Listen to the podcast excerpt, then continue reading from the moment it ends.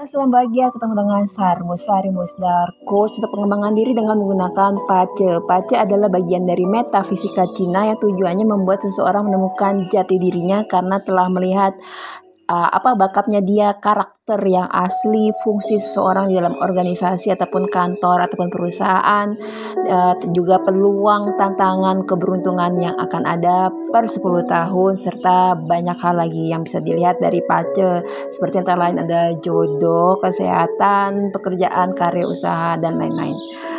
Kali ini saya mau ngebahas beberapa sio yang akan membuat kita terinspirasi yaitu sio-sio yang akan menginspirasi kita berdasarkan sio teman-teman.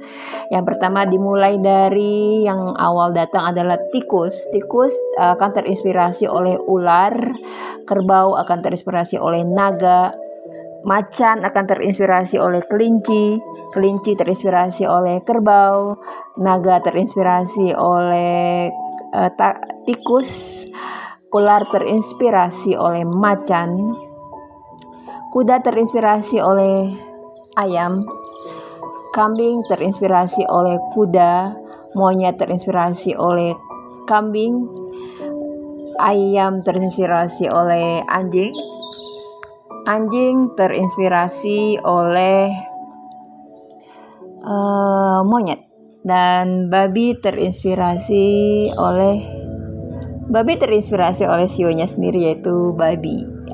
Demikian semoga bermanfaat uh, informasi tentang sio-sio yang menginspirasi berdasarkan sio kita.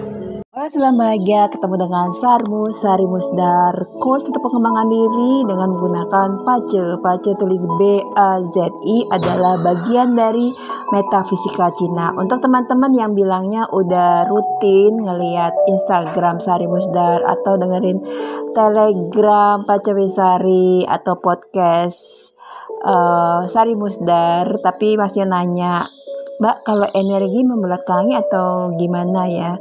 Kalau arah membelakangi atau enggak? Berarti belum benar-benar nyimak postingan saya karena selalu saya ulang-ulang terus ya. Karena saya tahu pasti ada ya orang-orang baru yang baru gabung ya.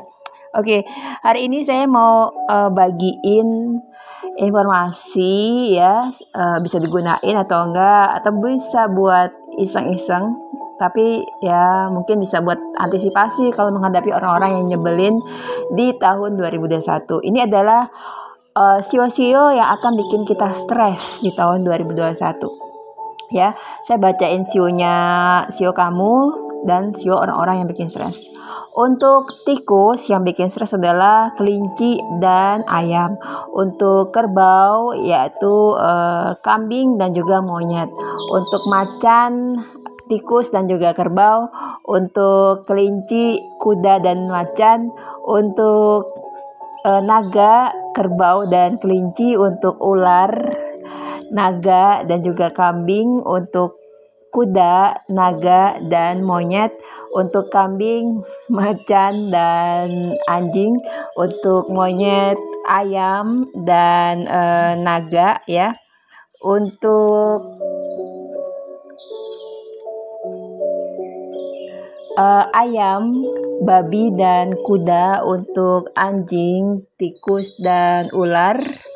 Untuk babi, monyet dan juga kelinci ya.